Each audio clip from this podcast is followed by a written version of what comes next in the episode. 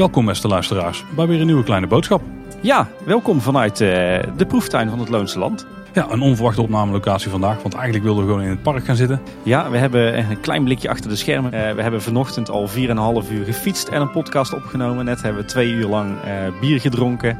En ja, nu resteert er nog een, een uurtje of zo om nog een aflevering te maken. Dus ja, zeker. We, we zijn lichtelijk afgepeigerd en aangeschoten, maar dat weerhoudt ons er niet van om weer gewoon een volgens mij leuke onderwerpaflevering te maken. Dan moet dit een unieke aflevering maken. Ja, dat, we zijn niet eerder inderdaad dat we van tevoren twee uur bier hebben gedronken en vier uur hebben gefietst. Klinkt wel als een goede voorbereiding voor een podcast. Ja. Maar uh, ja, het liep allemaal weer eens een beetje uit. Je kan het jezelf bijna niet voorstellen bij Kleine Boodschap. Dus vandaar dat we uiteindelijk niet uh, midden in de Efteling zitten, maar dat we gewoon lekker zijn blijven hangen in uh, de proeftuin van het Loonse Land. Ja, ik zat even na te gaan wat is nou het onderwerp waar we vandaag gaan behandelen. En toen bedacht ik me, dit moet toch wel het meest Timse onderwerp zijn wat we kunnen hebben. Buiten misschien een lijstje maken van onze favoriete bestratingen in de Efteling. Ja, dat, dit komt inderdaad echt in de buurt, ja. Je vraagt jezelf bijna af wie dit onderwerp ooit op de lijst heeft gezet, hè? Ik denk dat ik het nog wel weet. Ja, want waar gaan we het vandaag over hebben, Paul? We gaan het hebben over onze favoriete gebouwen in de Efteling. Nou, ik moet wel zeggen, er komt uh, over een tijdje nog een, uh, een speciale aflevering aan. Een uh, crossover kunnen we wel verklappen alvast. En die ligt misschien wel nog meer in mijn straatje. Ja, maar als je dan het spectrum hebt van dingen waar Tim zich van nature mee bezighoudt en waar Paul zich van nature mee bezighoudt, dan ligt het daar wat dichter bij elkaar dan bij deze. Ja, klopt. Uh, maar we gaan het inderdaad vandaag hebben over uh, de mooiste gebouwen van de Efteling. Ja. Niet echt een top 5 of een top, top 10 geloof ik. Hè? Laten we gewoon uh, de, de, de gebouwen langslopen die wij heel mooi vinden in de Efteling. Misschien van tevoren even de vraag, Paul, wat heb jij met, met gebouwen dan? Ja, minder dan jou. Er zijn vooral praktische voorwerpen hè? waar je kunt schuilen voor regen en gewoon droog kunt bewegen. Misschien, misschien moet ik de vraag anders stellen. wat heb jij met gebouwen in pretparken en specifiek in de Efteling? Ja, nou, dan gaan we toch weer terug naar de sfeer. Hè. Die zijn heel erg sfeerbepalend. En ik denk dat dat er wel een punt is waar de Efteling zich heel erg onderscheidt ten opzichte van andere parken. En vooral de, ja, ik vergelijk, ik ben laatst weer in Walibi geweest. En dan valt het natuurlijk op dat heel veel uh, gebouwen daar gewoon heel praktisch zijn. En dat er misschien iets van thematisering tegenaan is geplakt. Mm -hmm. uh, terwijl bij de Efteling de gebouwen op zich, dat dat vaak de objecten zijn waar het ook om gaat. En die echt heel erg de sfeer bepalen. Het Sprookjesbos is veruit het beste voorbeeld daarvan. Maar geldt op heel veel punten in het uh, park, denk ik. En um, de Efteling besteedt er wel echt heel veel zorg aan. Dus binnen pretpark is het voor mij een, uh, ook een grote sfeerbepaler. Ja, ja. oké. Okay. En jij Tim? Ja, nou ja, je had het al een klein beetje verklapt. Ik heb best wel veel met gebouwen. Uh, altijd al gehad. Ik ben heel erg geïnteresseerd in, in architectuur, in bouwkunde, in, in gebouwen. Eigenlijk van kinds af aan al altijd architect willen worden als kind. Overigens ook wel een poging gewaagd. Ooit nog naar de TU Delft gegaan om architect te worden. Maar daar ben ik na twee maanden afgehaakt. Uh, omdat het toch allemaal net wat te zweverig voor mij was. Uiteindelijk wel in de bouwwereld terechtgekomen, maar dan meer aan de, de managementkant. Maar goed, daar gaan we het nog wel een keer over hebben. Uh, maar ja, ik heb, ik heb heel veel met bouwkunst en met, met architectuur. Ik vind gebouwen ook altijd heel erg interessant. dat geldt voor gebouwen in algemene zin. Uh, maar zeker ook voor gebouwen in uh, attractieparken. En voor mij is dat echt wel een van de meest belangrijke uh, elementen als ik een park bezoek. attracties zijn natuurlijk heel erg belangrijk, thematisering. Maar voor mij valt daar ook echt wel de, de, de, gebouwde omgeving onder, de architectuur. Het is belangrijker voor mij dan animatronics, dan muziek, nee. dan landscaping. belangrijker absoluut. dan animatronics? Ja, ja. Misschien, misschien is gebouwen wel een verkeerd woord. Maar als ik kijk naar de, de architectuur in pretparken, dan is dat voor mij echt een van de, de, de hoofditems waar ik veruit het meest geïnteresseerd in ben. Ja. Ja. we hebben het een keer gehad in de aflevering van Bron 1898 dat dat gebouw echt een goed voorbeeld was van een gebouw wat gewoon zichzelf is. Zeg maar. Wat, niet, uh, wat niet een aangeklede loods is of zo. In hoeverre vind je dat nog belangrijk? Mag je daar onderscheid in? Ja, zeker. Nou ja, als, uh, er zijn natuurlijk, uh, als je kijkt naar architectuur in, in pretparken en ook in de Efteling, dan hè, heb je eigenlijk een, zou je eigenlijk kunnen zeggen dat je een aantal categorieën hebt. In de meeste pretparken uh, beperkt architectuur zich echt tot loodsen. Tot showgebouwen, uh, vaak niet meer dan een fabriekshal. Uh, en met een beetje geluk staat er dan een, een geveltje tegenaan geplakt. Nou, dat geveltje kan nog zo mooi zijn, maar daar word ik niet warm of koud van.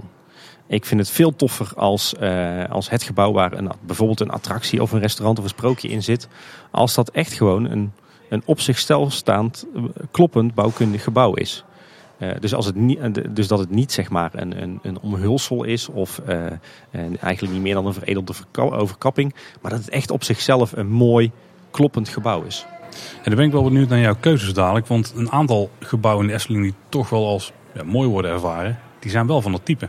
Ja, nou ja, en ik, ik denk dan, maar daar komen we nog wel achter. Ik denk dat ik dan toch de neiging heb om dat soort gebouwen juist, uh, juist niet te kiezen. Kijk, wat, wat, ik heel erg mooi vind, en daar komen we dadelijk ook natuurlijk wel op als we het gaan hebben over wat, wat ik dan uh, mooie gebouwen vind.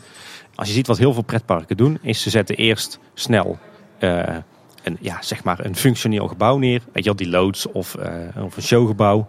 En uh, dan plakken ze er aan de buitenkant plakken ze er wat geveltjes tegenaan. Uh, aan de binnenkant wordt het decor tegen aangeplakt. Dus dan is het echt een soort van bijna een soort van kijkdoos met binnen en buiten er leuke dingen tegen aangeplakt. Mm -hmm. Ja, dat is alweer wat beter dan, uh, dan een loods met alleen een, een, voorgeveltje ervoor. Maar ik, ja, ik krijg daar nog steeds wel uh, een beetje buikpijn van, moet ik zeggen. Ik vind het juist zo knap als een park echt de moeite doet. En dat gaat eigenlijk ook alleen maar als ze goede architecten en goede ontwerpers en bouwkundigen in dienst hebben. Maar als het echt gewoon een kloppend gebouw is, wat zowel aan de binnenkant en aan de buitenkant aansluiting vindt met, met, met wat het uitbeeldt. En dat het als geheel ook uh, klopt, dat plaatje. Het is wel interessant, want je moet dan dus wel iets weten van de achtergrond van het gebouw. Want stel bij Disney kunnen ze je heel goed foppen namelijk met die loodsen. Ja. En die kunnen ze best goed aankleden of gewoon verstoppen zelfs. En hoe ver is dat dan ja, belangrijk voor jou? Want bijvoorbeeld Phantom Manor, dat is dan een gebouw wat principe doet dat gebouw niks. Dat is alleen maar een, een entree. En daarna loop je door naar de loods die erachter ligt. Nou, dat, dat is voor mij wel een buitencategorie. Je zou zeggen dat vind je afgrijzelijk. Maar ik vind dat juist wel goed gedaan. Uh, waarom? Omdat daar echt bewuste keuzes gemaakt van... in het gethematiseerde gebied staat een gebouw wat nou, voor mijn gevoel echt klopt. Want mm -hmm. dat is echt een statig landhuis wat maar, rondom rond is gethematiseerd. Ja, oké. Okay, maar in hoeverre is die bouwkundig correct? Want dat vraag ik me wel af daar. Want dat is wel een, echt een set, zeg maar. Ja, maar goed, dat, dat, qua architectuur klopt die wel. Het is niet gewoon een, een platte doos met wat geveltjes er tegen aangepakt. Nee, nee, er zit wel echt dieptewerking in en verspringingen en bouwkundige details die kloppen. Kijk, en dat je vervolgens via een onderraadsgangenstelsel naar buiten het park wordt, uh, wordt getransporteerd. En daar buiten de parkgrenzen in een platte loods uh, uh, wordt, wordt meegevoerd. wat mij betreft prima. Um, maar dan klopt in ieder geval datgene wat de bezoeker ervaart, klopt gewoon 100%. En datgene wat je kan zien, dus dat vind ik, dat is voor mij een buitencategorie. Maar dan moet het wel echt goed gedaan zijn zoals Disney. Hè? En als, ze dan, als het dan ook nog eens lukt, zoals bijvoorbeeld bij Pirates, uh, Pirates of the Caribbean uh, hier in Parijs. Maar ook volgens mij in Orlando in uh, The Haunted Mansion. Dat ook nog eens die trein, die stoomtrein, die toch al praktisch gezien door dat gebouw heen komt. Dat die ook nog eens een plekje heeft in de ride. Dus dat ze dat ook nog eens zo in elkaar weten te ontwerpen. Ja, dat, dat zijn voor mij bonuspunten. Ja, want ik denk dat in de Efteling we niet in de basis niet heel veel van die gebouwen hebben. Vergelijk met Phantom Manor. Maar nee. aan de andere kant, Sprookjesbos lijkt er wel voor een deel op. Hè? Want heel veel gebouwen die hebben bepaalde vormen omdat Anton Pieck ze zo heeft ontworpen. Maar die zijn aan de binnenkant gewoon volledig hol. Want dat is praktisch voor alle techniek. Ja, je zou kunnen zeggen dat in de Indische waterlelies zo'n voor, zo'n uh, ja, voorbeeld is. Bijvoorbeeld ook Hans en Grietje. Want de, er zit wel bijgebouwtjes bij, maar aan de binnenkant is dan gewoon één ge groot geheel, zeg maar. Ja, maar goed, dat, dat gebouwtje op zich klopt wel. Ja, nee, nee, zeker. Maar ik, ik zit een beetje te zoeken van uh, hoe zou jij er dan uh, naar kijken. Dus ik ben heel benieuwd naar jouw lijstje dadelijk. Ja, nou mooi. Zullen we uh, gewoon niet al te lang wachten en er gewoon in gaan duiken? Nou ja, ik wil nog wel even weten, wat maakt voor jou een gebouw nou goed? Uh, ja, dat is denk ik echt de, de sfeer die het gebouw creëert, zeg maar, en die het oproept. En soms ook wel, want ik kan wel genieten van bepaalde architectuur, want die kan gewoon heel indrukwekkend zijn, zeg maar. Ja. Um, hoeft hij nog niet eens. Ja, het mag wel echt mooi zijn, dan, dan scoor je heel veel pluspunten. Ja. Maar hoeft niet per se. Maar bijvoorbeeld uh, Calatrava, die maakt best mooie dingen, zeg maar. Heel indrukwekkend, maar dat Ja. ook gewoon door het gebruik van bepaalde vormen en zo. En Ja, vooral voor die vormen inderdaad, die Ja. organische vormen, ja. Ja, en ook de manier waarop dat dan samenwerkt. Vaak met heel veel glas of zo, of, eh, of opening. Of gewoon, ja, dat, ik, dat kan ik dan wel eh, heel erg waarderen. Ja, je zou je kunnen zeggen dat Calatrava zich niet door materiaaleigenschappen laat tegenhouden om een bepaalde vorm uit te, Dat is te een beelden. mooie manier om het uit te drukken. Ja. Aan de andere kant kan indrukwekkend zijn. Het kan mooi zijn, maar het belangrijkste voor mij, vooral in de pretparkwereld, is gewoon dat het sfeer moet scheppen. Zeg maar. Het moet bijdragen aan de sfeer die, we, die neergezet moet worden. En daarbij hoeft het niet per se erg te zijn als het een aangeklede loods is. Maar als je heel duidelijk door hebt dat het een aangeklede loods is, Ja. ja, dan doet er wel een beetje af. Ja. Maar als ik het dus een beetje probeer te vertalen, is het zo dat voor jou eh, een gebouw in een pretpark vooral eh, de thematisering, eh, dat je die Ja. belangrijk vindt. En dat het bij mij meer over eh, de architectuur gaat. Ja, het is een heel andere manier om naar te kijken. Dus dat is- daarom vind ik het ook wel interessant wat voor lijstjes we hebben. Ik, ik wou bijna deze, deze aflevering eh, een, een andere naam nemen, geven, namelijk architectuur in de Efteling. Maar aangezien wij er toch verschillend over nadenken, blijven we gewoon lekker bij het oude plan. En ik architectuur niet echt als een van mijn primaire skills of zo kan rekenen. Kennisgebieden. Nee, nou ja, ook niet, ook en niet, ook niet. En Nee. tertiaire. Het is ook niet een skill van mij, want had ik de TU Delft wel afgemaakt. Het is meer een, eh, een belangrijke interesse. Maar goed. Ja, dat is een Ehm, goede omschrijving. Ja, laten we dan eens gewoon wat, eh, wat mooie gebouwen afgaan. eh, die wat, wat ons betreft onder die definitie vallen. We, hebben deze keer niet echt een top 5 of een top 10 eh, samengesteld. Hè? Nee, we lopen even wat dingen af. En ik, ik vond het wel een moeilijke aflevering, want ehm, in, mijn hoofd ga ik dan van alles na. We betreft vooral heel veel gebouwen, uiteraard, want daar Ja. gaat het over. En dan, ja, dan twijfel ik of dat ik, ze, of dat, ik bepaalde dingen, hoewel ze wel heel sfeerbepalend zijn, of dat ik ze dan in mijn lijstje zou zetten. Een beetje, Ja, Ja. ik, ik zou zeggen be my guest. Hè. Net als eigenlijk iedere aflevering van Kleine Boodschap. We hebben vaak toch verschillende eh, visies en verschillende aanvliegroutes. Ik denk dat het juist interessant is om, eh, om dat van beide, juist van twee kanten te belichten. Jij heel erg vanuit de kant van de thematisering. Ik heel erg vanuit de kant van de architectuur. Ja, ik kwam in ieder geval echt heel snel bij super voor de hand liggende voorbeelden allemaal aan. Terwijl ik juist prima. altijd hoop het niet te doen. In dit geval ontkwam ik er gewoon echt niet aan. En ik heb daarnaast dus wel geprobeerd om een paar outliers erbij te pakken. Nou, ik ben heel benieuwd naar jouw lijstje. Dan eh, zal ik aftrappen. Ja, we, doe jij maar een keer, want we kunnen het Siri wel laten bepalen. Maar Ja, dan, dan mag ik weer als eerste. Dan weten we dus, toch wel eh, hoe het gaat eindigen. En dan denk ik dat ik ook een klein beetje het gras voor je voeten wegmaai. Dus dat moeten we niet doen. Nou, ik ga echt gewoon beginnen met ehm, ja, de plek waar je bezoekje vaak begint. Mhm. Of waar die echt start. En dat is natuurlijk het Huis van de Vijf Zintuigen. Ja. En daar, ja, als we het dan over indrukwekkende gebouwen hebben, dan valt deze daar echt wel onder. Maar dat is niet per se de reden waarom die op mijn lijstje staat. Ik denk dat ehm, de reden vooral is dat het... Het is een heel uniek gebouw. Mhm. En eh goede sfeerschepper, zeg maar. Het is ook een beetje jammer dat het dwarrelplein wat daarna komt, dat daar een beetje wat tammer is, zeg maar. En dat dat niet meteen die lijn eh, doorzet. Het is, eh, nou, het is een gebouw met echt een unieke uitstraling. Zoiets vind je gewoon nergens. Ja, misschien dat het lavelaar eleme- eh, elementen ermee deelt, maar niet op die Ja, dat is schaal. een leuke, leuke koppeling inderdaad. En echt van die organische vorm, zeg maar. Dus de calatrava heeft- zit er wel een beetje in. Die, die zou toch wel Ja. anders hebben gedaan, uiteraard. Maar dit is ook wel een, een gebouw waarbij de vorm uiteindelijk de materiaalkeuze een beetje heeft gedicteerd, denk ik. Ja. Eh, vooral aan de buitenkant. Want zo'n kap kun je niet echt maken met dakpannen. Je kunt er met lijststeentjes misschien iets van maken. Maar uiteindelijk is juist het feit dat het, met, dat het zo'n rieten kap is. Die gewoon perfect in elkaar overloopt, zeg maar. Dat maakt wat een gebouw aan de buitenkant in ieder geval echt zijn, eh, ja, zijn, bekende uitstraling geeft. En wat misschien nog veel interessanter is uiteindelijk, is als je onder die kap loopt en je kijkt dan naar die houtconstructie die er staat. Want die zit ook gewoon echt ja, best, mag het geniaal noemen in elkaar? Ik denk het wel. Ingenieus, geniaal. Eh, Ja, ik, heb ooit eh, wat verhalen gehoord van eh, hoe, de, hoe het met de bouw ging. En blijkbaar kwam Van Wijnen, die heeft het gebouw gebouwd. Hè? Ja. Een bouwbedrijf Van Wijnen, maar die kwam er niet helemaal uit. Uiteindelijk heeft de Efteling zelf die kapconstructie voorgesteld. En toen dachten ze van, oh ja, ja, zo kan het inderdaad, ja. En toen Ja. is hij zo door Van Wijnen gebouwd. Dus met hout, heel veel houtverbindingen, wat, wat metaal ertussen en zo. Nou, wat ik weet is dat, is dat en, en dat is wel mooi, is dat het, de, de start van het ontwerp eigenlijk een maquette van Ton was. Maar ja, eh, Ton van der Ven natuurlijk, eh, had natuurlijk zijn, zijn gebruikelijke droedels, zoals hij het zelf zo mooi eh, noemde. Die heeft er uiteindelijk een maquette van gemaakt. En op die maquette is ingelezen. Dat was toen in die tijd, in 1995, natuurlijk enorm ingewikkeld en ingenieus al. Ehm, en op basis van die eh maquette hebben ze toen een computermodel gemaakt. En op basis daarvan hebben ze dan weer die kap en al die houtverbindingen uitgerekend. En eigenlijk is het Huis van de Vijf Zintuigen dus andersom ontworpen. Ja, dus we zijn begonnen met het eindresultaat. Ja. En toen is gaan kijken van hoe kunnen we dit eigenlijk voor elkaar krijgen. Ja. En eh, wat ik zeker niet mag vergeten te melden. Wat ik mooi vind aan het gebouw is vooral het gebouw op zich. Zeg maar alles boven de eh, steenlaag. Moet ik het noemen? Ja, Ja, boven het straatwerk zeg maar. Want de, als je de... Ja, en dan de kassenhuisjes vind ik misschien ook niet eens zo super sterk. Maar als ze passen niet super goed binnen het huis vind ik. Want dat is redelijk organisch. En die kassenhuisjes zijn van die Ja. vierkante blokjes eigenlijk die er dan in staan.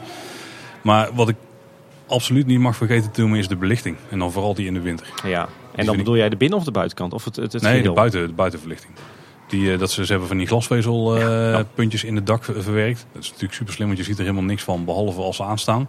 En dan vooral in de winter met die blauwe verlichting erop. En dan die, eh, ja, die, die glasvezelverlichting die dan meer wit is, wit-blauw zeg maar. Ja. En die combinatie die is echt super sterk. En die zie je ook heel vaak in de winter, want anders sneller Ja, donker. precies. Ja. En als ik dan er langs rijd, dan denk ik altijd van, ah, ja, hier staat ons super toffe park, Kaatsheuvel. Vandaar dat het, ook, dat het Huis van de Vijf Zintuigen natuurlijk ook de frontpage siert van kleineboodschap.com. Dat ja, is exact de reden, ja. ja.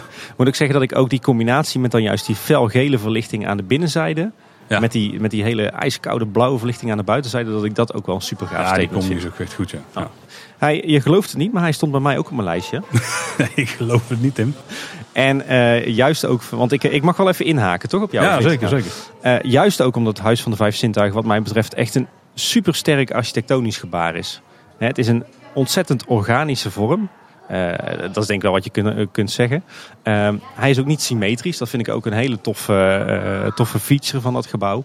En verder is hij gewoon heel krachtig, weet je wel. Het is gewoon hout, riet en ehm, ja, volgens mij, ik weet niet zeker waar die punten van gemaakt zijn. Misschien messing, misschien brons. Ja. Eh, maar het is gewoon heel puur, weet je wel. Het is echt een heel gaaf, duidelijk statement.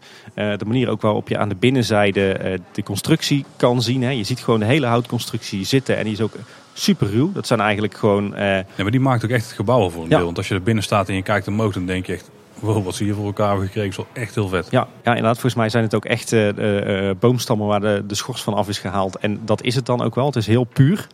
Ehm, dus, ja, dus dat eigenlijk is gewoon een superkrachtig statement en architectonisch heel erg goed. Het is ook heel gewaagd, vind ik, voor een pretpark entree. Want uiteindelijk onder de streep zijn entreegebouwen van attractieparken komen toch altijd wel op hetzelfde neer. Waarbij de entree van eh, Disneyland Parijs met het Disneyland Hotel is wel een beetje het hoogst haalbare. Mhm. En eh, je hebt het in allerlei variaties daaronder. Maar zo'n krachtig statement, zoiets totaal afwijkends, dat vind ik echt zo gaaf. Ja, absoluut ook een van mijn favorieten. Ja, ik- Moet, moet wel zeggen dat ik zaken als eh, de kassahokjes en het, eh, het eh, ja, hoe heet dat ding daarvoor? Het ooievaarsnest of het ganzennest of eh, het kraaiennest, dat was hem. dat, eh, die vind ik er wel een klein beetje afbreuk aan doen. Ja, een klein beetje. En dan is- vind ik het kraaiennest nog wel meevallen. Maar de kassenhokjes, die vind ik wel minder. Nou, ik vind het wel gaaf dat ze zeg maar, het resterende van de constructie, wat, wat eigenlijk een beetje moet wegvallen, dat ze daarvan hebben gezegd dat maken we gewoon van kaal beton. Vind ik ook wel een, stuur, een stoer statement. Hè? Die, eh, met name die eh, betonblokken waar, eh, waar de houten kolommen van uitkomen, maar ook de, de wandjes. Maar verder, ja, die, die kassahokjes en de gastenservice en zo en dat toiletgebouwtje is eigenlijk allemaal afleiding van dat architectonische statement. Ja, het Eh, enige, als ik een kleine kanttekening mag maken, is het enige wat ik wat minder vind, is als je vanaf de achterkant kijkt. Dus als je vanaf het Hmm. Dwarrelplein terugkijkt, zeg maar. Vooral omdat daar dan, je hebt zo'n super ja, gebouw wat- bijna niet in deze wereld past. En dan heb je daar eigenlijk gewoon van die kozijntjes in zitten. Om het heel erg simpel ja, te zeggen. ja, die, ja, Ik denk dat het krachtiger was geweest als het bijvoorbeeld eh, volledig glas was geweest. Of, eh, of bijvoorbeeld met hele ranke kozijnen, bijvoorbeeld stalen kozijnen. Ik denk dat het dan een veel krachtiger gebaar was Ja, ik geweest. zou niet weten hoe je het anders moet oplossen. Maar Nou, ik vind bijvoorbeeld dat die Eftel dingen daar zo als statige punt weer achter staat. Vind ik ook wel architectonisch mooi.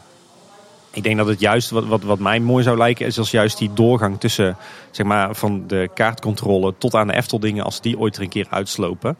Dat het gewoon, bam, het intreegebouw met die vier punten is. En dan nog die Eftel dingen die erachter staat. Ik denk dat het ook goed is voor de doorstroming. Maar, eh, nou, waar ik nou wel nog een keertje, eh, waar ik wel nog eens over na heb gedacht, is het originele ontwerp van Tom van der Ven van het Huis van de Vijf Zintuigen was qua inrichting natuurlijk heel anders. Eh, ik weet niet of jij die prenten kent. Maar het Huis van de Vijf Zintuigen zou helemaal een beetje, ehm, ja, een beetje Indonesische sfeer krijgen. Hè? Niet zozeer de, de kap, die is altijd wel hetzelfde geweest. Maar de invulling met de kassahokjes, het, eh, het kraaiennest en al het andere metaalwerk en lampjes en zo.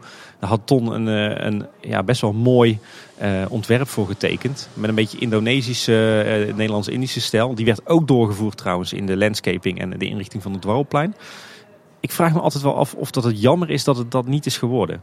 ja, als ik het zo hoor, dan denk ik van niet voor mijn gevoel. Tenminste, juist het feit dat het niet echt ergens bij hoort. Dan Ja. maakt het gewoon Eftelings. Ik denk ook eerlijk gezegd dat dit krachtiger is hoor. Ik denk wel dat de kassahokjes zoals we ze uiteindelijk hebben gekregen, dat dat dus een beetje de, de kaas, eh, de, zeg maar de, de variant is geworden van Tons ontwerp, maar dan heel erg goedkoop. Ja, vooral de laatste. ja. Maar nee, absoluut een topper op architectonisch vlak ook. Nou Tim, wat is jouw eh, eerste item op de lijst? Ja, dan begin ik toch met een heel recent voorbeeld. Eh, een gebouw wat, eh, wat mij betreft eh, alles in zich heeft wat, wat een, een perfect gebouw in de Efteling of in een pretpark nodig heeft. En het is wel een klein beetje een herhaling van zetten, want ik heb dit al eens een keer opgezomd in onze aflevering over, jawel, Baron 1898. Eh, maar het gebouw van Baron 1898 is wat mij betreft een, een voorbeeld van een perfect attractiegebouw Ja, stond bij mij op de lijst. Is eh, een, een heel mooi ensemble van verschillende gebouwtjes die heel erg verspringen ten opzichte van elkaar. Ehm, ook zo'n schoorsteen erbij, zo'n liftschachttoren. Ehm, bouwkundig klopt het helemaal, alle bouwkundige details. Architectonisch klopt het, hè. er is daar echt heel duidelijk een bepaalde stijl gekozen. Eh, de Jugendstil en meer specifiek eh, de chaletstijl. Ehm het is gewoon helemaal af. Het is 100% gethematiseerd uh, rondom, van buiten en van binnen. Uh, ook tot in het allerkleinste detail. Denk aan al die geglazuurde tegeltjes met facetrandjes. Um, en eigenlijk het allerbelangrijkste nog vind ik uh, dat dit dus niet een showgebouw is waar aan de buitenkant geveltjes tegen aangeplakt zijn en aan de binnenkant. Um, maar het gebouw is ook meteen het decor. Ik heb de vorige keer ook al gezegd. Um, de staalconstructie die het gebouw overeind houdt is ook gelijk de decoratieve staalconstructie. Hè, door het gewoon fors uit te voeren en dan wat nepklinknagels op te plakken. Uh, het metselwerk, wat het gebouw wind en water dicht houdt, is ook meteen het thema metselwerk. terwijl er zijn toch zatplekken in Efteling en andere pretparken waar het gebouw eerst helemaal dicht gemetseld wordt met fel metselwerk. En daarna aan de buitenkant er alsnog een geveltje met ijzersteentjes daar aan wordt gemetseld. Dat is hier niet gebeurd. Hier is gewoon echt what you see is what you get. Die bakstenen wand, uh, die is tegelijkertijd constructief. Binnenzijde afwerking, buitenzijde afwerking. En dat vind ik super gaaf. Dat geldt ook voor de houten balklaag in het station. Dat geldt voor alle ramen in de attractie. Super. Het is gewoon een heel puur gebouw. En het klopt ook. En uh, ja, dat maakt eigenlijk gewoon een perfect gebouw. Ja. En bij mij is het vooral de, de kleurstelling, die, die, die klopt mooi en die complementeert elkaar ook mooi. Dus dat groene van de, het groen-blauwe van, de, van het metaal en dan uh, het, meer het rode, het donkere van de stenen. Ja. Hoe, hoe het daar eigenlijk in de omgeving staat en hoe het past bij die lifthill. Ja, dat is gewoon, het taalplaatje klopt gewoon. Ja, ja en ook superrijk in details, hè, maar ook weer niet uh, zodanig dat het, uh, dat het overdreven wordt. Wat ik ook goed vind is dat het, uh, ja, het, heeft een het vertelt een verhaal en er zitten fantasie-elementen in. Um, maar voor je gevoel klopt het historisch wel. Alles wat je ziet past bij die stijl, past bij die tijd. Het gaat ook heel mooi over in de, de landscaping rond de attractie. En uh, ja, het is sowieso een super interessant gebouw. Juist omdat er overal weer uh, gebouwtjes en bodesjes uh, uitkomen. En het verspringt allemaal. En je hebt balkonnetjes en boeiborden. En ja, super interessant gebouw, gebouw. Mooi gematerialiseerd. En het klopt gewoon architectonisch en bouwkundig. En om daar dan een achtbaan in te passen, ja, super knap. Ik vind dat echt een huzarenstukje. En wat mij betreft ook hopelijk ook de lijn waarin de Efteling verder bouwt. Zullen we eens naar de volgende gaan? Ja. Ja, het is ook weer een redelijk voor de hand liggende, denk ik. Maar toch een beetje van het type, we hebben een hal en we zetten daar iets voor. Fata Morgana. Ja. Is dat hier op jouw lijstje? Ja, toevallig wel. Oké, dan ben ik benieuwd wat jij daar dan dadelijk van vindt. Ja, ik vind het mooie van het gebouw dat het echt een, een goede placemaker is. Dus je, je komt daar het plein oplopen en dan... In principe is het net dat je op vakantie gewoon even ergens een, een afslag hebt genomen en op een, ja, bij een, een paleisje uitkomt. Ja. En, en dat helpt het hele plein wel al mee, maar hetgene wat er verder het meest aan meehelpt is toch echt het gebouw met zijn minaret en zijn torentjes en zijn koepeltjes. En uh, ook die kleurstelling die daar wordt gebruikt, die verschillende kleuren, zodat het een beetje... Want daar hou ik ook al van in een pretpark, het moet niet te recht toe recht aan zijn. Maar het mag, er mag juist al variatie in zitten. Ja. Je noemt net al het verspringen van uh, de geveltjes bijvoorbeeld bij Baron 1898. Dat doen ze hier ook heel erg goed. Je hebt er ja. echt diepte in zitten, zeg maar. En daardoor voelt het meer echt dan dat het gewoon een, een voorzetwandje is voor, voor zo'n hal. Want het, je hebt daar niet echt het idee, je hebt niet eens echt een idee waar de attractie ligt als je zit te kijken. Want daar ligt precies mooi weggewerkt in de hoek waar je eigenlijk weinig van kunt zien. Ja, en je kunt ook nog dus in principe in veel gevallen door de minaret naar binnen. Ja. En je kunt, het, het enige wat jammer aan dat pleintje daar is eigenlijk de wachtrij. Dat is gewoon zo'n redelijk simpele overkapping. Maar de rest die uh, draagt erg goed bij aan de sfeer. Ja, en dan met name het gebouw van de attractie zelf. Ja, ja, Fata Morgana stond bij mij ook direct op mijn lijst. Eigenlijk een beetje raar, want op een aantal punten zou je zeggen dat hij strijdig is met dingen waar ik echt niet van hou. In feite is het een loods waar gevels tegen aan zijn geplakt. En aan de binnenkant is het een decor. Maar toch is dit voor mij, net als waar je het net over had, een, een Phantom Manor bijvoorbeeld, is dit voor mij wel een goed voorbeeld van hoe je ook met zo'n loods of showgebouw om kan gaan. En hoe het dus wel moet en kan. Um, ja, Fata Morgana is in feite een soort lang uh, rechthoekige loods. Um, maar die is ontzettend goed afgewerkt. Ook rondom, zelfs, uh, zelfs aan de buitenkant hebben we tijdens onze fietstocht door de wereld van Efteling wel gezien. Zelfs aan de buitenkant is hij nog redelijk goed afgewerkt. het gedeelte wat je buiten de parkgrenzen ziet. Maar wat ik aan, inderdaad heel goed eraan vind, is dat um, dat er echt diepte in die gevel zit. Hè. Het zijn niet gewoon platte geveltjes die tegen een loods aan zijn gebouwd. Maar het staat er echt wel voor. Uh, de, de verschillende elementen verspringen heel erg. En er wordt ook gebruik van gemaakt. Hè. Het is niet zo dat, uh, dat het een, een dichte gevel is en daar staan die gebouwtjes tegenaan. Nee, die doen echt mee in het bouwwerk. Dus bepaalde torentjes in de zijgevel, dat, dat zul je ook zien als je kijkt waar de nooddeuren zitten en je luistert door die roosters in welke scène je zit die ruimtes die zitten ook echt aan de binnenkant in het decor. Dus het, dit is wel een voorbeeld van what you see is what you get. Er staan dus geen fake torentjes tegenaan. Nee, het gebouw zoals het uh, aan de buitenkant eruit ziet, is ook hoe er aan de binnenkant uh, gebruik van wordt gemaakt. En, en dat vind ik wel heel knap gedaan. Um, en ik vind sowieso ook om uh, die gaanderij die je daar hebt, waar je langs kan lopen, super mooi. Er zit ook heel veel dieptewerking in. Die verschillende elementen in de gevel, die verschillende gebouwtjes, zijn ook allemaal weer heel anders van aard. Ook heel knap gedaan. de ene keer is het, is het gewoon een koepel en de andere keer heb je weer die geglazuurde groene baksteentjes. Um, allemaal verschillende elementen. Het past wel weer bij elkaar, juist door iedere keer die koepels met die halve maandjes erop. Um, is er wel samenhang in. Dus dat vind ik heel knap gedaan. Ik vind ook het, uh, niet alleen de zijgevel, maar ook het gedeelte als je op het Fatemgana-plein zelf staat. Um, vind ik ook super mooi gedaan. Ook weer heel veel dieptewerking en wisseling van geveltjes in. Heel knap als je beseft dat uh, het, basisuitgangspunt uh, eigenlijk gewoon een rechthoekige attractieloods is. Wat ik wel vind uh, is dat, dat met name de aanblik van de zijgevel de laatste jaren wel iets aan kracht heeft in, ingeleverd. viel me toevallig op toen ik laatst weer eens verplicht naar de Piraten medley van Samson en Gert moest kijken. Met het nummer Piraten van de Zee. Um, daar heb je een, een, schitterend zicht op die zijgevel van de Fata Morgana. Toen er nog geen Aquanura was en nog geen Efteling Theater. En dan zie je dat toen uh, die, die, die majestueuze gevel aan het water, dat was wel echt een super gaaf statement. Zeker als die zon er dan achter stond. Uh, en dat, ja, die heeft nu al wat aan kracht verloren. Uh, doordat al die gebouwen eromheen zijn gebouwd en die, die fonteinenshow. Maar goed, nog steeds wat mij betreft een, een, een, schitterend gebouw, goed gethematiseerd. En een, ja, heel mooi. Meer dan alleen een gevelrij die tegen een gebouw aan is geplakt. Dus zo kan het ook. Ja, dan van die zijgevels, ja, ik weet niet, vind het nog steeds wel fraai hoor. Zeker omdat je het over heel de Vondelplas aan de andere kant van veraf kunt zien. En misschien dat details allemaal minder uitmaken. Maar ik vind het nog steeds, uh, ook van die kant een prima gebouwtje. Oké. Een andere topper uh, op architectonisch gebied. Nou, architectonisch misschien niet, maar wel uh, bouwkundig een heel goed gebouw vind ik Ravelijn. Um, waarom? Want ik kan me voorstellen dat niet, niet al onze luisteraars dat meteen zullen, zullen begrijpen. Ik vind dat bouwkundig gezien vind ik dat een ontzettend slimme combinatie. Je hebt eh, een nieuw en groot kantoorpand nodig. Eh, je wil een theater bouwen. En om dan zo die functies zo te combineren. Ehm, dus je bouwt inderdaad een, een, een, kantoor. Maar je doet dat op die manier dat het ook meteen als, uh, als zeg maar backdrop fungeert van je theater. Dat creëert zoveel meerwaarde. als je dat van elkaar los zou trekken, dan zou je en een heel duur kantoor moeten bouwen ergens wat heel sfeerloos is. En als het dan weer in het park staat, dan moet je dat toch ook weer een beetje thematiseren. Wordt het nog duurder van. Tegelijkertijd moet je een theater gaan bouwen eh, met geveltjes. Maar ja, omdat dat loze geveltjes zijn, ga je die ook maar een beetje als loze geveltjes thematiseren. Dat is ook weer niks, uh, niet fantastisch. Ja, het theater had misschien geen geveltjes, geen geveltjes hoeven te hebben. Dat was dan het alternatief geweest, Ja, maar goed. Ik denk dat het op zich, uh, een, als je kijkt naar het verhaal van Ravelijn en je wil een middeleeuwse stad hebben, dan snap ik hem wel.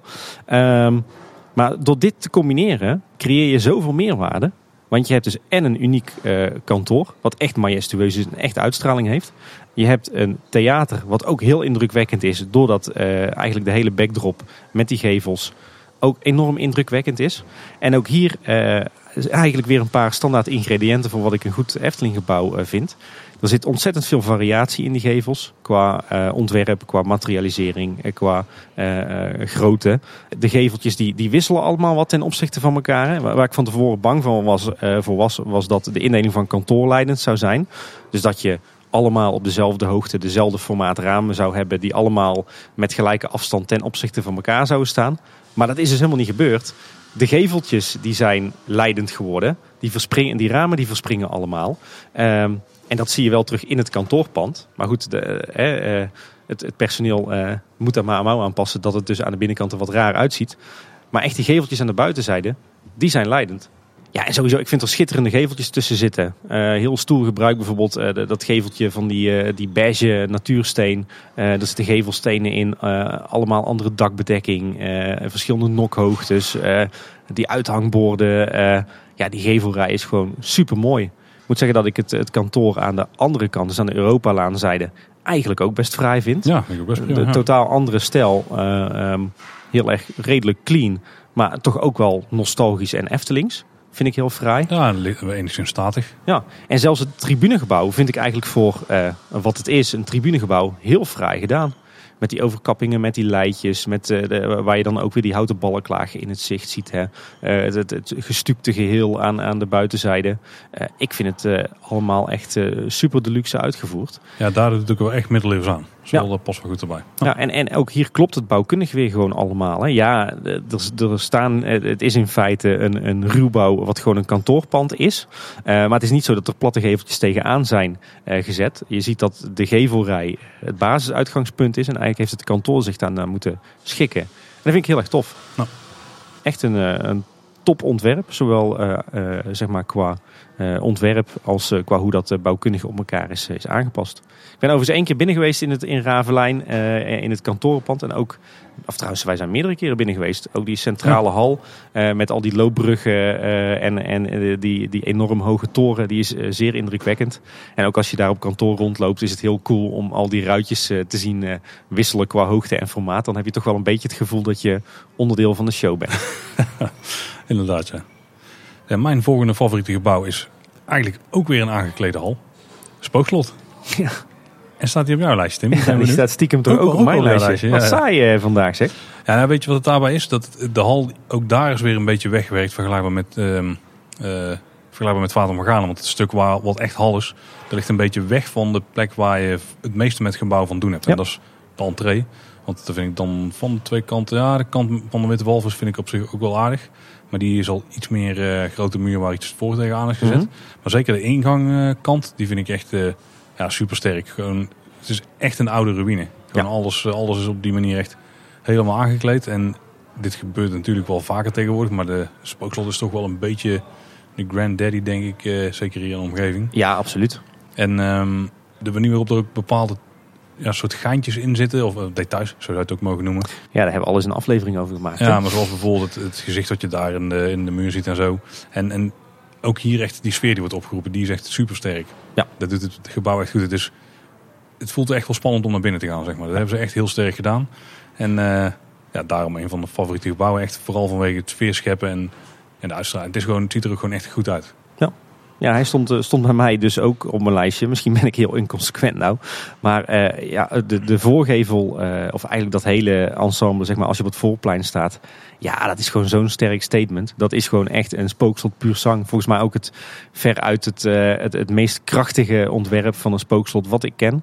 Heel gaaf gedaan. Heel stoer ook met, met, met al dat afbrokkelende gevelwerken en die toren. En heel tof. Ik vind de binnenzijde ook heel gaaf, die voorshow. Eigenlijk tot aan het moment dat je de hoofdshow inloopt. Want de hoofdshowruimte zelf, daar zullen we het maar niet over hebben. Um, maar, maar, tot dat moment zie je dat echt alles, zowel van binnen als van buiten, rondom rond is afgewerkt. En wat ik vooral bij het spookslot heel tof vind, is dat je eigenlijk de, ja, zeg maar de zijde die je normaal gezien vroeger niet zag dus uh, daar waar zeg maar ook uh, de, het showgebouw is, de achterzijde, mhm. die je nu kunt zien vanaf het heksenpad. Dat die ondanks dat die eigenlijk decennia lang buiten het zicht van de bezoekers lag, dat die gewoon ook 100% is afgewerkt. Dat vind ik zo tof. Ja, wel ietsje simpeler, maar wel echt heel gaaf. Ik moet zeggen dat ik dat eigenlijk nog, uh, eigenlijk nog wel een hidden gem vind. Het spookslot aan de achterzijde gezien vanaf het, okay. vanaf het heksenpad. En ik weet dat ze daar een tijdje terug een nooduitgang in hebben moeten maken. En ik dank God op mijn blote knietjes dat ze die ook heel fraai hebben gethematiseerd. Zijn goed bezig daar in Kaatsheuvel. Ja. Jij mag er weer eentje van jouw lijstje, een pure van jouw lijstje afhalen. Ja, wat ik toch ook wel een hele, een hele mooie vind is ehm, Villa Volta. Um, ook weer een heel duidelijk helder ontwerp. Hè. Het is, het is, ja, je ziet gewoon duidelijk, dit is een, een landhuis. En in dat, uh, dat volume, dat landhuis, is eigenlijk gewoon uh, de, hele attractie weggewerkt. Hè, ik heb niet het gevoel dat hier uh, eerst een showgebouw is gezet en daar wat geveltjes tegenaan. Maar dat daar echt eerst die, dat kloppende landhuis is, is ontworpen en dat daarna die, die trommel en die schommel erin zijn gefrot. Dat gevoel heb ik erbij. Villa Volta is eigenlijk ook rondom uh, redelijk goed afgewerkt. In ieder geval de voorgevel en de twee zijgevels. Achtergevel is uh, op zich ook nog wel acceptabel, niet heel bijzonder. Ja, dat, dat aanbouwtje waar die, de, de twee voorshows in zitten, hmm, vind ik minder. Maar goed, dat, dat, valt toch een beetje buiten het zicht. Maar dat, dat krachtige gebaar van dat onheilspellende landhuis met die dame op het dak, dat rozenperken voor. Ja, ik vind het ook weer zo'n fantastisch ontwerp, echt heel krachtig. En als je ziet wat er uh, elders uh, op de wereld aan uh, madhouses wordt neergezet, dan vind ik hier toch eigenlijk wel hetzelfde als met het spookslot. Dit is wel echt hoe een madhouse eruit hoort te zien. Dit is wel echt het basisontwerp. Echt een spooky villa sang. Ja, ja, ja. ja ik, het enige wat ik bij Villa Volta wat minder vind, buiten de achterkant, want dat is eigenlijk een plek waar je niet echt hoort te komen. Nee. Maar is toch de wachtrij aan de zijkant. Ook die vind ik een beetje... Hmm. Ja, die is wel vrij waardeloos, daar ben ik mee eens. Ja, en dat, dat, dat doet wel toch wel af aan het geheel. Want als je eigenlijk vanaf de, ja, een beetje de linkerhoek zo opkijkt, ja, dan is het inderdaad een prachtig gebouw. Maar eh, aan de andere kant kan, kan ik het gebouw dan toch net niet vergeven. Nee. Nou, wat, wat ik me altijd wel af heb gevraagd is, waar, gevraagd is waarom thematiseren ze dit niet mee in het verhaal? Je hebt toch vaak bij landhuizen heb je een koetshuis of een veranda of een, eh, een, een schuur of, een, of een, een, een, kas inderdaad. Uh, waarom nou niet zoiets? Maar dat zal misschien net wat te veel gevraagd zijn. Ik denk dat het budgettechnisch gewoon een issue was. Ja. denk het ook. Oh. Het volgende gebouw op mijn lijstje. En ik ben hier een beetje van de gewaande paden afgegaan is een gebouw in het Lavelaar. Mhm. En dit had in het principe wel een van vele gebouwen kunnen zijn. Maar ik ben voor een, voor een gegaan die misschien niet super voor de hand ligt. Misschien niet een van de mooiste gebouwen van het Lavelaar. Maar het is denk ik wel mijn favoriete gebouw in het Lavelaar. En daarom heb ik hem gekozen. En dat is uh, Lavisch Leerhuis. Oké. En dat is misschien een bijzonder, want in de basis lijkt er een redelijke blokkendoos te zijn. Als je er iets beter naar gaat kijken, zitten er best wel wat leuke details in. Zoals bijvoorbeeld het dak en vooral dan de dakgoten. Je hebt één eh, reguliere daggoot, maar aan de andere kant is het daggoot bestaat uit meerdere potten die dan het water opvangen. En die dan het water weer afleiden door een buisje naar, naar de grond. Maar de reden waarom ik het eigenlijk vooral uh, een heel tof gebouw vind, is gewoon het idee wat ze daar als scène hebben willen neerzetten. Dat het een scène is waar je 360 graden eigenlijk omheen kunt kijken. Mm -hmm. Het staat gewoon vrij. De, de, en dat is in de Efteling of vooral in een attractiepark gebeurt er niet vaker. Dat je iets hebt wat je van alle kanten echt kunt, uh, kunt bezichtigen. En zeker nee, zo, zo dichterop, want je kunt echt gewoon met je neus er tegenaan gaan staan. En hoe ze dan alsnog, maar dat gaat dan misschien niet eens over het gebouw, maar ook de indeling aan de binnenkant of de, de inhoud. Eh, dat er aan alle kanten gewoon echt iets interessants te zien is. Nou, behalve misschien de achterkant. Nou, als we dan even naar het gebouw zelf nog kijken en dan ook de, de deurregio, om het zo maar even te noemen. Die ja. zit ook vol details, dus heel mooi afgewerkt, mooi uh, houtwerk daar. En ook die L die dan bovenin zit en het belletje wat dan één keer in de zoveel ja. tijd natuurlijk rinkelt. Ja, dat klopt ook gewoon echt. Je kan je echt voorstellen van als de lava les zouden krijgen, dan zouden ze het op die manier krijgen. Ja. En ik vind dus het is dus vooral ook de manier waarop je het kunt ervaren. Die draagt hier heel veel bij aan waarom het gebouwtje hoog op mijn lijstje staat. Nou, ja, ik ga nu toch iets heel lafs doen, Paul. Snap je hem? Ja, ja, ik had hem door. Bij mij stond eigenlijk het hele lavelaar uh, op mijn favoriete lijstje. Um, en dan eigenlijk ook het lavelaar vooral als uh, ensemble, of je zou kunnen zeggen gezamtontwerp, zoals ze dat dan wel eens noemen. Ja, ik snap, je, ik snap dat punt wel hoor, want individueel zijn het misschien niet de meest indrukwekkende gebouwtjes, nee. maar als je het als totaal ziet, dan wel. Nou ja, wat ik zo knap vind aan het Lavelaar is, ik denk dat het basisuitgangspunt van het Lavelaar, uh, en, en daarin heeft het ook wel echt een link met het Huis van de Vijf Zintuigen, en dus met, wat, met het werk van Tom van der Ven, is dat het allemaal hele organische, natuurlijke vormen zijn. Vaak met, met heel wat uh, grapjes erin. Hè? Ik bedoel, geen uh -huh. enkel gebouw in het Lavelaar is recht toe recht aan. Het zijn allemaal droedels, allemaal gekke vormen. Bijna zo'n zo'n blob zoals je ook in, uh, in, in Eindhoven ziet. Dat komt natuurlijk ook omdat hè, het heette niet voor niks ooit Funny Village toen het nog in de werktitelsfeer zat. Nou zie je dat in heel veel parken. Alleen wat je dan in die parken ziet is het wordt allemaal uit polyester gemaakt. En in knalkleuren. En um, het is allemaal echt decor. En wat ik nou juist zo knap vind aan het Lavelaar, is dat al die vormen gecreëerd zijn met wel kloppende bouwkundige gebouwen en natuurlijke materialen. Eigenlijk is het hele Lavelaar opgebouwd uit hout, bakstenen, uh, flagstones, uh, riet, leidjes, zink, lood. Weet je wel, echt die natuurlijke stoere materialen. Er zit volgens mij uh, vrijwel geen polyester in. Nee, Echt natuurlijke niet, materialen. Behalve de lava zelf. Dat is waar. Nee, die zijn toch van vlees en bloed. Oh sorry. Maar um, daar is het mee gemaakt. En ook met, met allemaal met bouwkundige constructies die gewoon kloppen. Echt de ouderwetse pengatsverbindingen, de balklagen, de, de balkconstructies. Uh, super vet. Wel onderhouds, uh, uh, niet bepaald onderhoudsvriendelijk. Want we hebben de laatste jaren heel veel houtwerk gezien wat vervangen moest worden in het lavelaar. Maar ik vind het super knap dat eigenlijk die, die, die droedels van ton, die, die grappige gebouwtjes, dat die vervolgens wel op een bouwkundig kloppende manier met natuurlijke materialen uh, geconstrueerd zijn. En ik denk dat dit een schitterend voorbeeld is van uh, de samenwerking destijds tussen enerzijds Tom van der Ven en anderzijds Jan Verhoeven.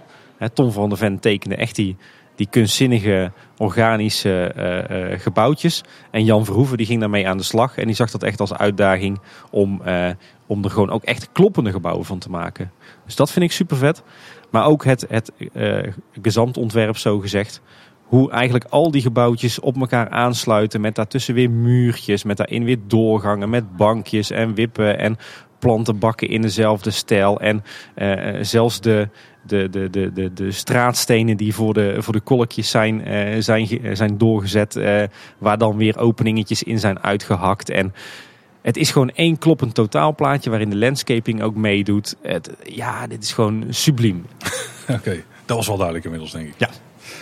Ja, jij mag er weer eentje kiezen, want je kaapt de hele tijd mijn uh, items. Ja, eigenlijk wel. nou, ik heb op zich wel een leuke. Eigenlijk was dit, was dit mijn. Want, want onze luisteraars zullen denken: ja, zo kan ik het ook. We gaan gewoon alle gebouwen van de Efteling langs en ze zijn allemaal mooi. Uh, maar dit, was, dit waren wat mij betreft wel de, de, de mooie uh, grote gebouwen, de mooie attractiegebouwen, die er dus echt uitspringen. Um, maar ik heb nog wel wat, wat en misschien uh, ga je daarom lachen, nog wel wat horecagebouwen en, en ook wat sprookjes uh, die wat mij betreft ook qua architectuur er met kop en schouders bovenuit steken. Ik heb toevallig twee sprookjes als volgende op mijn lijstje. Oh, zullen we dan met de sprookjes beginnen? Ja, lijkt me helemaal goed. Dan mag jij wel beginnen Tim, want het was jou, ik ga niet jouw stuk kapen, zo ben ik niet. Nee, zo ben ik er niet. Um, ja, er zijn eigenlijk vier uh, gebouwtjes in het Sprookjesbos die er wat mij betreft qua, qua gebouw uh, bovenuit springen. En de, de, eerste is toch wel het, het huisje van Roodkapje. Ja, die heb ik, ook, heb ik wel aan zitten twijfelen. Ja. Ik vind het heel gaaf hoe, zeg maar, hoe, hoe hoog dat gebouwtje eigenlijk is. Hè? Dus je hebt daar echt een, een soort begane grond, een soort ja, hoe noemen ze dat dan? Souterrain of zo. Uh, waar je eigenlijk helemaal niet komt. Hè. Je wordt met die, met, met die taluts echt naar een soort van uh, eerste verdieping uh, gebracht. Je wordt daar echt met middels zo'n zo'n hellingbaan met die rotsen er langs naar, nou ja, bij wijze van spreken de eerste verdieping gebracht. ik vind, die, die toegang tot, tot, tot die kelder of tot souterrain ook al super gaaf gedaan. maar dan die, dat, dat, die overhangende gevel die zo die een beetje schuin staat met daar dan het schattige raampje. maar ook bijvoorbeeld dat, uh, dat torentje wat daar dan rechtsachter uh, zo'n beetje half aanhangt. Ook super tof gedaan. Uh, ja, eigenlijk ook weer een redelijk organisch gebouwtje. Uh, maar wel ook weer bouwkundig kloppend. Het, is, het is niet platgeslagen. Het is echt een, een, een, een object wat, wat rondom rond is gethematiseerd. Ik vind wel dat het bij de herbouw, het is ontzettend goed hergebouwd uh, recent. Um, ik vind wel dat het net een beetje de, de scherpe kantjes eraf zijn gehaald. Je ziet dan toch dat het volgens mij ook gebouwd is door, door een, een extern bouwbedrijf. Wel met goede tekeningen en, en een staalconstructie die, die er helemaal op getekend is op de oude situatie. Maar hij is net, net, net ietsje minder uitgesproken dan het oude huisje van Roodkapje. Maar ik blijf het wel nog steeds een, een subliem gebouwtje vinden qua vorm. Ja, kan ik me wel deels in vinden. Maar ik vind nog steeds wel een prima gebouwtje. En uh, de rotsaanloop die er nu staat vind ik wel een stuk sterker dan hoe het was met die, ja, die doeken over die staalconstructie. Want veel meer leek het niet. Dus uh, deels verbeterd. Ja, nou, ik, ik moet inderdaad ruiterlijk toegeven dat ik de, de rotspartijen wel verbeterd vind. Bij Roodkapje, ook bij de Indische waterlelies inderdaad. Ja. Zullen we gewoon uh, wat meer sprookjes aan langslopen? Maar dadelijk hebben we het halve sprookjesbos gehad, daar moeten we een beetje voor waken. Ja, inderdaad. ja, jij had ook nog een sprookje, hè? Ja, ik ben eigenlijk uh, gegaan voor een uh, sprookje wat ik eerder een beetje links liet liggen. En dat is de Chinese nachtegaal. Haha. En dat is vooral dan de uitstraling van het gebouw, wat een beetje boven alles uittorent. Dus echt het klassieke Chinese met die, die draaien, met, die, met, die, met het gekleurde dak, zeg maar, met die halfronde ja, pannetjes. En dan daar die... Um, ja, die draken aan de uiteindes. Ik ben op vakantie geweest in China. Ik heb daar een hoop van die gebouwen gezien. En dit is echt wel een geslaagde, ja, zoals Chinezen kunnen kopiëren, hebben, ze, hebben wij in dit geval ook best wel goed van de Chinezen gekopieerd. Ja. en uh, ja, heel geslaagd gewoon. Een mooi, mooi gebouwtje. En ja, pas gewoon bij het sprookje. Dat hoort gewoon zo te zijn. Ja, ik ben het wel met je eens. Inderdaad een, uh, een mooi en bijzonder gebouw. Uh, ja, eentje die bij mij niet hoog scoorde qua favoriete sprookjes, maar wel qua gebouw, is eigenlijk het, het kasteel van de stiefmoeder van Sneeuwwitje. Oké. Is thematisch misschien uh, niet wat je verwacht op het, uh, het Herautenplein of uh, misschien wel helemaal niet in de Efteling. Maar ik vind dat wel heel sterk qua ontwerp. Um, echt als een mooi statig kasteeltje, heel verfijnd ook. En ook in dit gebouwtje zie je weer dat um, eigenlijk binnen- en buitenkant en constructie één zijn. Weet je wat? Het is niet een, een loods waar met een geveltje tegenaan. Nee, het is echt wel gewoon een, een bouwkundig opgemetseld kasteeltje aan de binnenkant. Gewoon strak gestuukt, gewelven erin.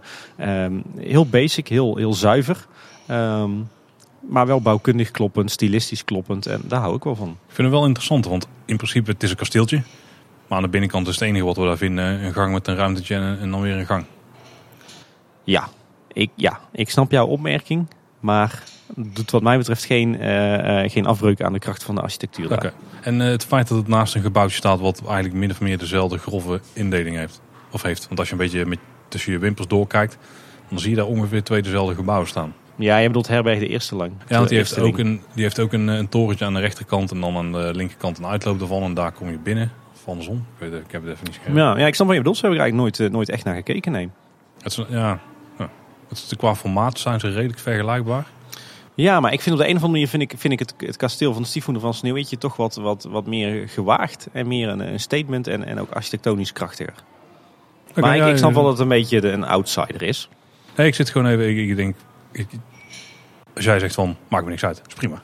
Want het is een van jouw favoriete gebouwen, dus Ja. dat mag hè. Ja, mijn laatste favoriet, tenminste, ik, ik heb twee sprookjes had ik op mijn lijstje staan. En het tweede gebouwtje zal misschien niet echt een verrassing zijn, maar dat is het kasteel van Door een Roosje. is misschien een heel voor de hand liggende keuze, omdat het, ja, het is het eerste en misschien wel meest, een van de meest iconische beelden uit heel het, eh, misschien uit heel het park zelfs. Ik had het mij ook wel verwacht hoor. Ja, nou, het was ook mijn favoriete sprookje. Dat is niet zo vreemd. Maar ik vind daar ook het, het het geheel, zeg maar, dus de manier waarop je erop komt aanlopen en hoe het zich onthult. Eh, dan het, het kleine poortgebouwtje beneden en die trap naar boven. Die trap is ook best wel essentieel, denk ik, voor het gebouwtje. Want het kasteel zelf is eigenlijk best wel klein. Wat ik ook een van de geniale dingen eraan vind. Ja. Vanaf een afstandje ziet het er echt uit van, oh, dat is best wel een indrukwekkend ding. Maar als je er dan staat, ja, dan is het eigenlijk niet zo groot. Maar je wordt toch een beetje gefopt, omdat je zo'n hele bocht moet maken om het centrale gebouwtje. En waar dan al eh, alle bewegende figuren in zitten. Ja. En daardoor voelt het toch wel weer groot. Maar omdat je die hele lange trap er naartoe aflegt, heb je, wordt het nog meer verhuld zeg maar, hoe klein het eigenlijk is. Als je eenmaal boven bent. Ja. En je hebt ook weer zo'n lange trap naar beneden. Die ook wel veilig is en praktisch wat dat, betreft. Dus eh, ja, best wel, best wel geniaal gebouwtje. Ook voor een gebouwtje wat dus in de basis van de layout gewoon al ja, ruim 65 jaar van oud is. Absoluut. Ik snap je, ik snap je punt. Ja, mijn laatste sprookje wat ik, eh, wat ik echt eh, eh, met kop en schouders boven de, boven de rest uit vind springen qua gebouw of qua architectuur. Nou ja, met architectuur heeft het niet heel veel te maken, maar wel met dat organische wat ik wel kan waarderen. Maar dit is het, het, het gebouwtje van, het sprookje van Repelstiltje. Ehm, eigenlijk ook weer zo'n voorbeeld van hoe goed Tom van de Ven eigenlijk was in het, in het maken van ja, hele organische natuurlijke gebouwen. Want ja, eigenlijk is dit natuurlijk een, een, een oude boomstronk waar eh, eh, iemand, een eh, repelstiltje in dit geval, een huisje in heeft gemaakt. En ik vind dat zo overtuigend Je overkomen. moet een beetje nuanceren denk ik. Dit is een oude boomstronk en die groeide op een berg. En die berg die is weggehouden en daar is een gebouwtje onder gebouwd. Ja, Want anders is het lastig om het recht te breien. ja.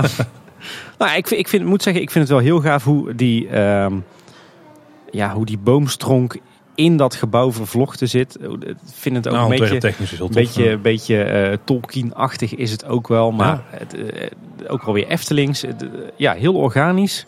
Maar wat je ziet, dat klopt ook wel weer. Dus ik vind het wel ja, een super tof gebouwtje. Misschien een beetje een outsider in het Sprookjesbos, maar wat mij betreft wel zeker een van de toppers. Nou, je zei, ik heb nog een hoop horecagebouwen. Ja, Ik had- het, het viel me eigenlijk op bij toen ik erover na ging denken van wat vind ik nou de mooiste gebouwen van de Efteling. Dat er verdomd veel restaurants en eh, verkooppuntjes boven kwamen drijven. Ik eh, had niet heel veel daarbij wat bij mij echt eh, kriebels in de buik gaf. Oké, nou ja, ik wel eigenlijk. Daar ben ik heel benieuwd. Ja, nou de eerste en, en misschien ook wel meteen de beste, in ieder geval van de laatste decennia, eh, vind ik Station de Oost. Ja, dat heb je al eerder wel eens gemeld, ja. Ja, ik weet dat, eh, dat ik daar heel veel kwaad bloed mee zet, omdat niemand het met me eens is. Maar ik denk dat Station de Oost eh, eh, wel weer een goed voorbeeld is van eh, ehm, ja, wat ik al eerder heb beschreven. Ehm, een gebouw wat echt klopt. Ik vind Station de Oost echt wel een statement en ook een gewaagd ontwerp voor, voor in een park als de Efteling, weet je wel. Het is echt een station. Het heeft ook een beetje die koloniale architectuur. Dan vraag je af, zou zo'n gebouw, nou- exact zo'n gebouw nou in Nederlands-Indië staan? Nee, natuurlijk niet. Er zitten ook wel wat fantasie-elementen in. Denk ook aan die, die klok met een glas in lood en, et cetera. Maar wel een heel stoer gebouw. Eh, ook echt een statement maakt het. Ehm, dit is net als bijvoorbeeld Baron 1898 ook echt zo'n voorbeeld van... eh, eh, het is niet een, een, een showgebouw of een loods waar geveltjes tegenaan zijn geplakt aan de binnen- en aan de buitenkant. Nee, de houtconstructie, het metselwerk is en gelijk de constructie en de binnen- en de buitengevel. Dus het voelt gewoon echt heel puur.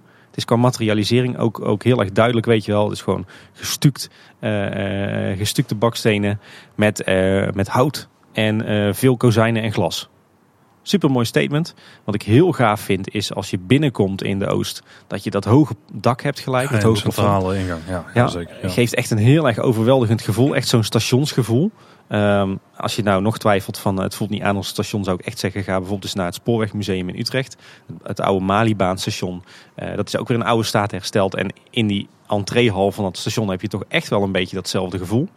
Ook die akoestiek, eh, die door veel mensen vervloekt wordt. Ook die, een beetje die, die planten en, en die bankjes. Dus dat vind ik heel tof. Maar ook links en rechts van die, zeg maar, dat hoofdgebouw. de zitplekken vind ik gewoon heel stoer gedaan, weet je wel. Met, met al dat hout, met, met, met die gewelven plafonds, met, eh, met die tegelpatronen. Het is gewoon een heel zuiver, stoer gebouw. Architectonisch echt wel een statement. Het klopt helemaal. Er zit eigenlijk, ja, het, het voelt wel een beetje eh, Eftelings aan.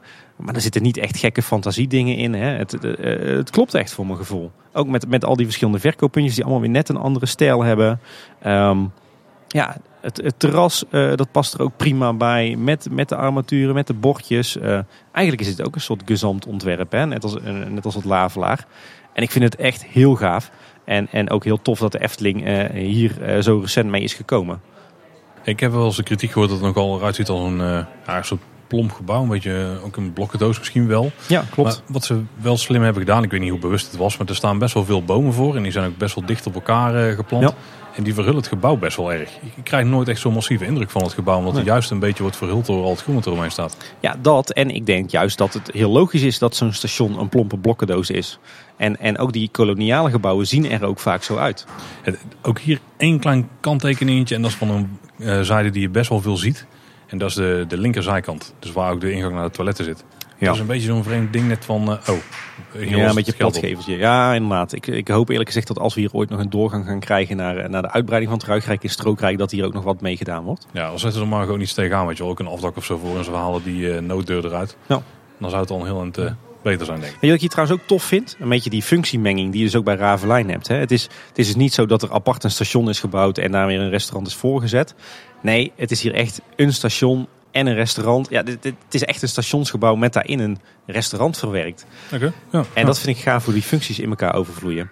Dan ben ik heel benieuwd naar jouw andere restaurant of horeca Ja. keuzes. Eh, het café-restaurant natuurlijk in het Reisrijk, oftewel Panorama. Ehm, ja, echt een stukje bouwhistorie. Hè? Het, eh, je ziet het niet meer terug in, eh, ik wou zeggen, de, de Welkom of de, Florant of zo. Maar het heet natuurlijk tegenwoordig Panorama Bediend en Panorama Self-Service. Die zijn duizend keer eh, heringericht. Dus daar zie je niks meer van de, de echte pure architectuur terug. Maar op andere plekken, zoals tegenwoordig toch weer in de entreehal als je daar binnenkomt. Maar bijvoorbeeld ook aan de achterzijde als je vanuit het Kleuterhof kijkt. Ehm, eigenlijk de, de hele bovenverdieping, hè, de, de Wolkenvader of hoe heet dat eh, tegenwoordig? Panorama Lounge geloof ik. ja, ja, ja. Verzinnen er nog maar een panorama bij. Hè? ja, precies. Ook als je van, eh, toch van de buitenkant naar de verschijningsvorm van het restaurant kijkt. Het is eigenlijk echt een, een schitterend gebouw. Ook weer heel zuiver qua architectuur. Veel bakstenen, natuurlijk allemaal wit geschilderd. Mooie eh, siersmeethekjes. Ehm, ja, een hele krachtige vormentaal. Echt wel dat jaren 50 gevoel. Maar eh, ja, volgens mij wel een van de gebouwen die in de Efteling... die niet zozeer als fantasiegebouwtje is ontworpen... maar echt onder architectuur is ontworpen. En dat vind ik super gaaf. En dan is misschien dat, eh, dat, dat, dat balkon, zeg maar, met die... eh, dus dan heb ik het over Panorama Lounge op de eerste verdieping. Als je dan van Mhm. buiten kijkt en dan dat statement van dat balkon met dat sierhekwerk... en dan die hoge deuren, die hoge gevel en dat dak wat zo schuin omhoog loopt. Dat vind ik gewoon een super vet statement.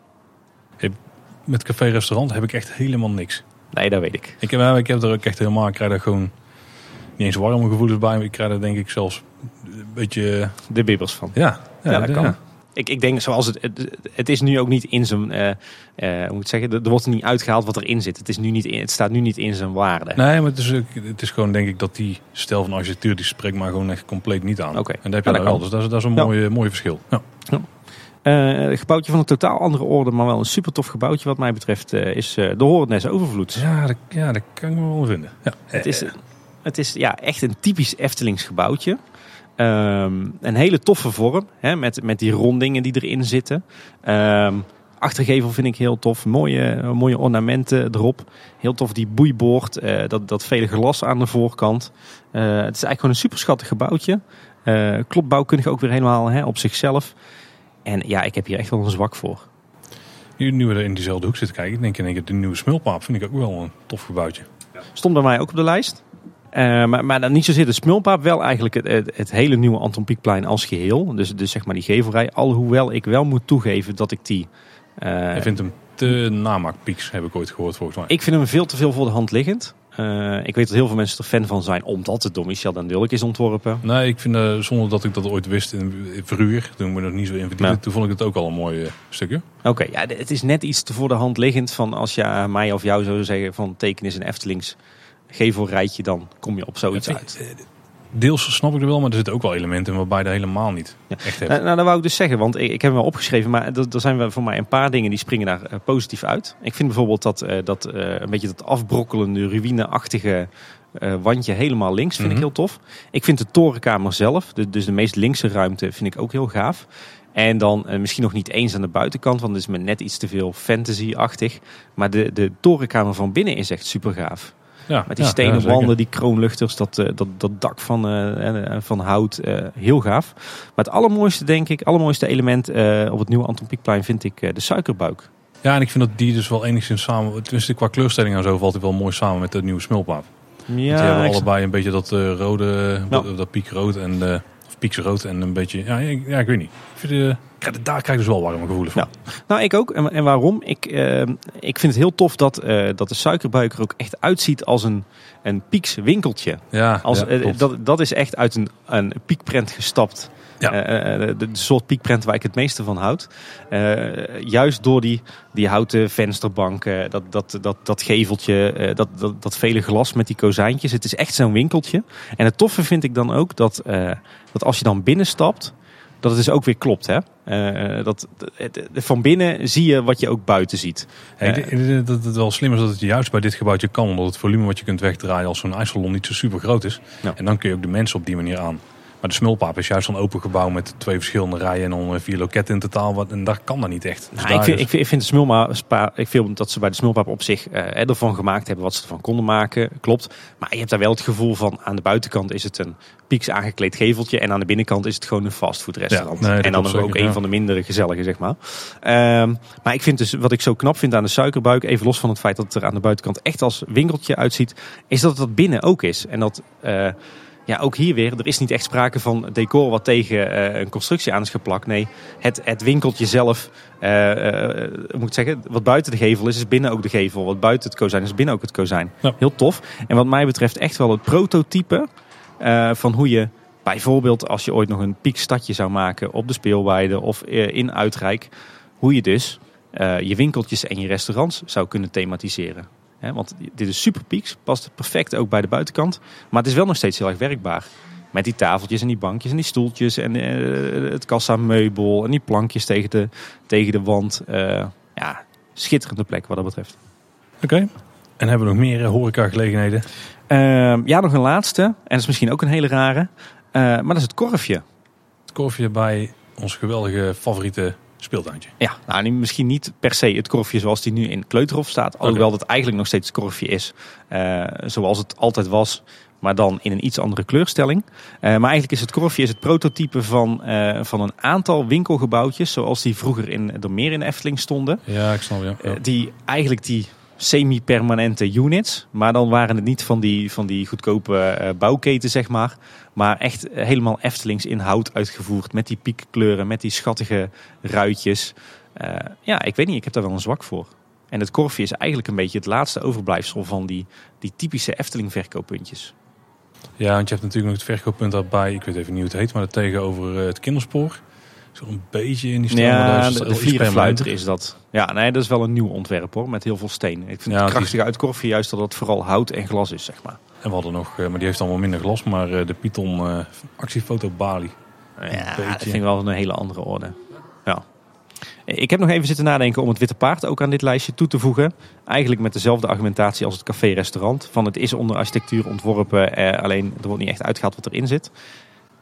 Hij is natuurlijk nu wel heel fraai gerenoveerd. Uh, waarbij er ook echt wel een soort van eerbetoon wordt gebracht aan het originele ontwerp. Maar het is toch allemaal net wat te neppig. Net wat te, we proberen om iets te herscheppen. En dat maakt het niet een slecht restaurant. Integendeel, want we hebben het ooit uh, in onze horeca-aflevering... heb ik het volgens mij op plek 1 of plek 2 gezet van mijn favoriete restaurants. Maar als je puur kijkt naar architectuur uh, uh, en echte bouwkundige kant... dan heb ik er uiteindelijk toch voor gekozen om dan de voorkeur aan het, het café-restaurant te geven... en niet aan het Witte Paard. Ja. ja, hebben we dan nog andere gebouwen of heb jij nog een lijstje stiekem, Tim, met eervolle vermeldingen? Ik heb nog twee, nou drie eervolle vermeldingen. Of ik had niet anders verwacht. Ja. Ik heb eigenlijk nog twee toiletgebouwtjes die wat mij betreft ook onder, uh, oh. onder de mooiste gebouwen van de Efteling vallen. Omdat ze architectonisch uh, zo ik, gaaf zijn. Heb ik in mijn hoofd nog wel langs laten komen, ja. En ja? Dan, heb jij er ook eentje? Of, uh... Nou, dan weet ik denk ik ook vrij zeker welke het zijn. Want zo heel veel hoogstaande, hoogstaande toiletgebouwen hebben niet in Efteling. Nou, doen ze ook. Sowieso kleine boodschap. Ja, en? En, en het gemak. Ja, ja. ding, ding, ding. Ja, dat moet ja, wel. inderdaad. Ik vind het, uh, het gemak vind ik uh, eigenlijk ook weer een beetje in diezelfde lijn als de Horen des Overvloeds. Gewoon een super schattig, pieks, echt Eftelings gebouwtje. Ja, die stond eigenlijk toch wel hoger op mijn lijstje nog een kleine boodschap. Ja. Echt, echt een, een heel mooi ensemble van verschillende gebouwtjes eigenlijk die, die, die in elkaar zijn samengesmolten. Uh, een hele interessante vorm. Weet je, dat is niet gewoon een platgeslagen vierkante kubus. Nee, het is echt opgebouwd uit die, die entreehal. Dat is een apart gebouwtje. En dan de heren- en de dames toilet. Ze zien er allemaal net weer wat anders uit. Ook als je binnenkomt en je moet die trapjes af naar beneden.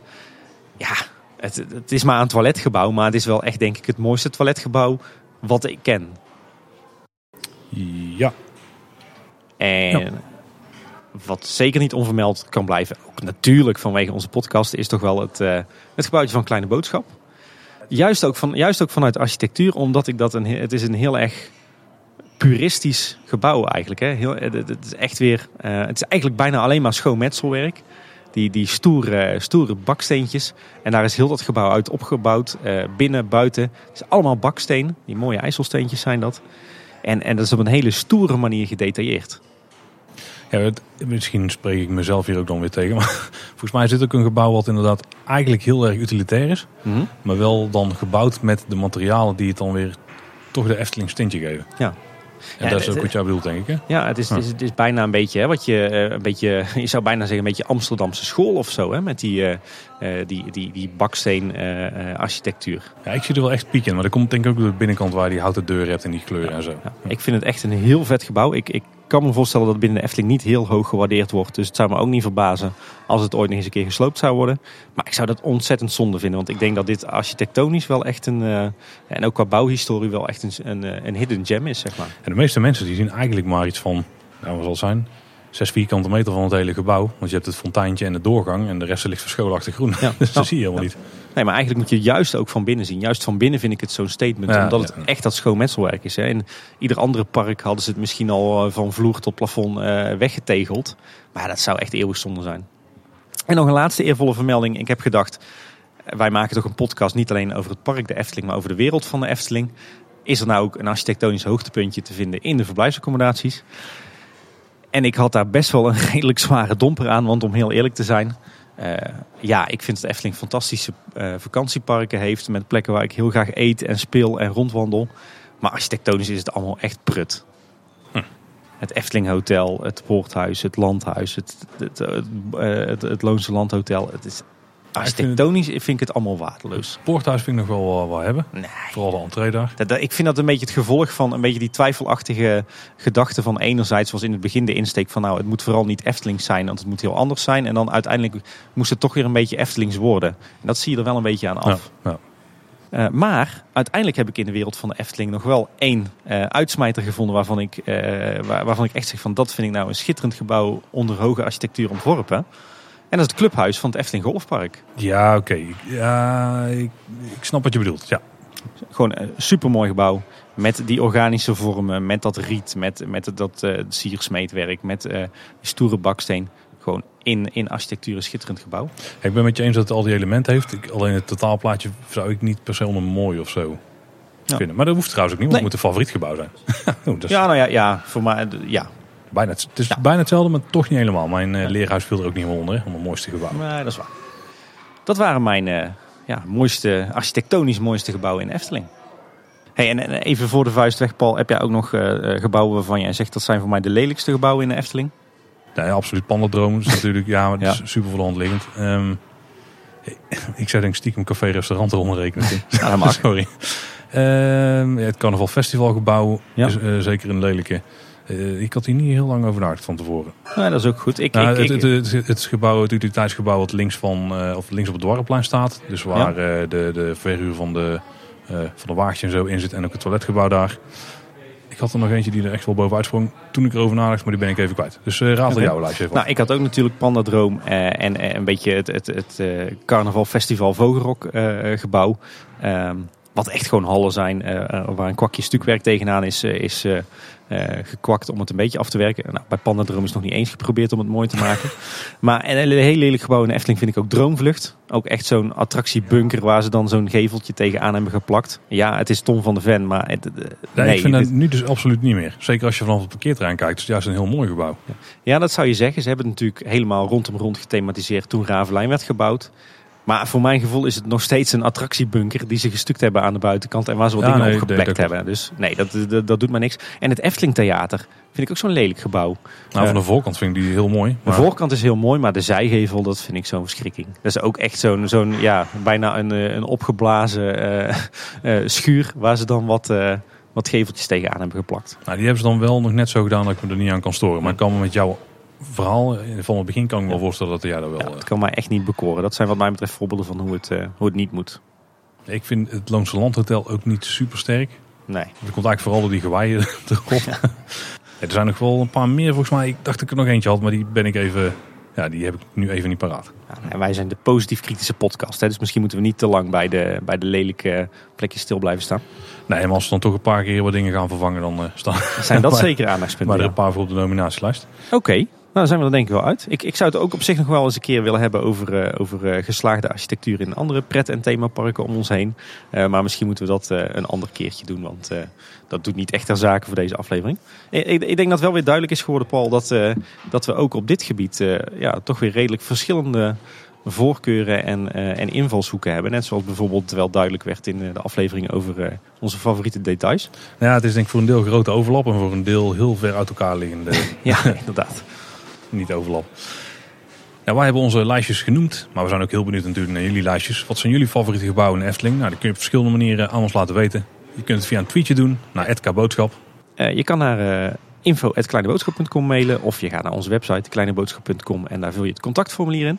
Ja, en je kunt natuurlijk ook via Facebook of Instagram ons contacteren. En dat doe je dan daar via Kleine Boodschap. Ja, en Paul, jij zei al, wat zijn jullie mooiste gebouwen in de Efteling? Maar ik ben ook wel benieuwd hoe jullie zelf nou denken over de rol van architectuur in de Efteling Ja, en goed. in andere pretparken. En kijken jullie er meer tegenaan als thematisering of als architectuur? Daar ben ik wel heel benieuwd naar, Ja, dus laat dat ook zeker weten. Laat het zeker weten. Ja.